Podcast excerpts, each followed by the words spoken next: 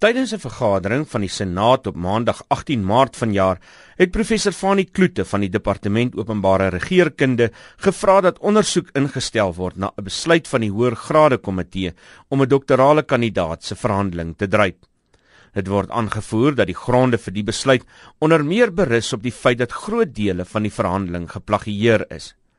Kloete het aangevoer dat talle verhandelings van die fakulteit wysbegeerte al in die verlede in weerwil van plagiaat goedgekeur is. Op grond hiervan het die fisiekanselier versoek dat Kloete se beweringe ondersoek word. Kloete wou nie hierop kommentaar lewer nie. Die stadium sou ek voorstel dat jy praat met die media uh, mense van UJ. Ek dink hulle sal in 'n beter posisie wees om vir jou uh hierop enige kommentaar te gee. Die waarnemende fisiekanselier, professor Angina Parek, wat ook die ondersoekkommissie lei, was nie beskikbaar vir kommentaar nie. Sy het 'n skriftelike verklaring aan Spectrum verskaf waarin sy die ondersoek bevestig. Volgens die verklaring is die ondersoek nog nie voltooi nie.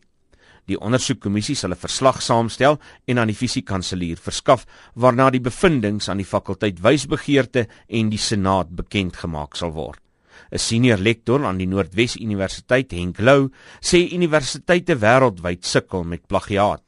Volgens Lou wat in die hoof staan van 'n projek oor plagiaat, is dit moeilik om te sê hoe groot die probleem regtig is. Die probleem is daar is nie verskriklik baie inligting tans beskikbaar nie. Die meeste inligting wat ons nog kon kry oor plagiaat is ongelukkig kleinskaalse projekte. Nou op die stadium internasionaal is daar een of twee programme wat plagiaat toets. Die bekendste een in Suid-Afrika is Turnitin. Nou Turnitin doen is hy vergelyk bloot mense se skryfstukke op 'n massiewe internasionale database en dan kyk hy waar is daar ooreenkomste. So hy wys eintlik plagiaat uit nie, hy wys vir ons ooreenkomste uit. En die hoofnige probleem daarmee is daar gaan ooreenkomste wees as jy wettiglik ander stukke inligting gebruik.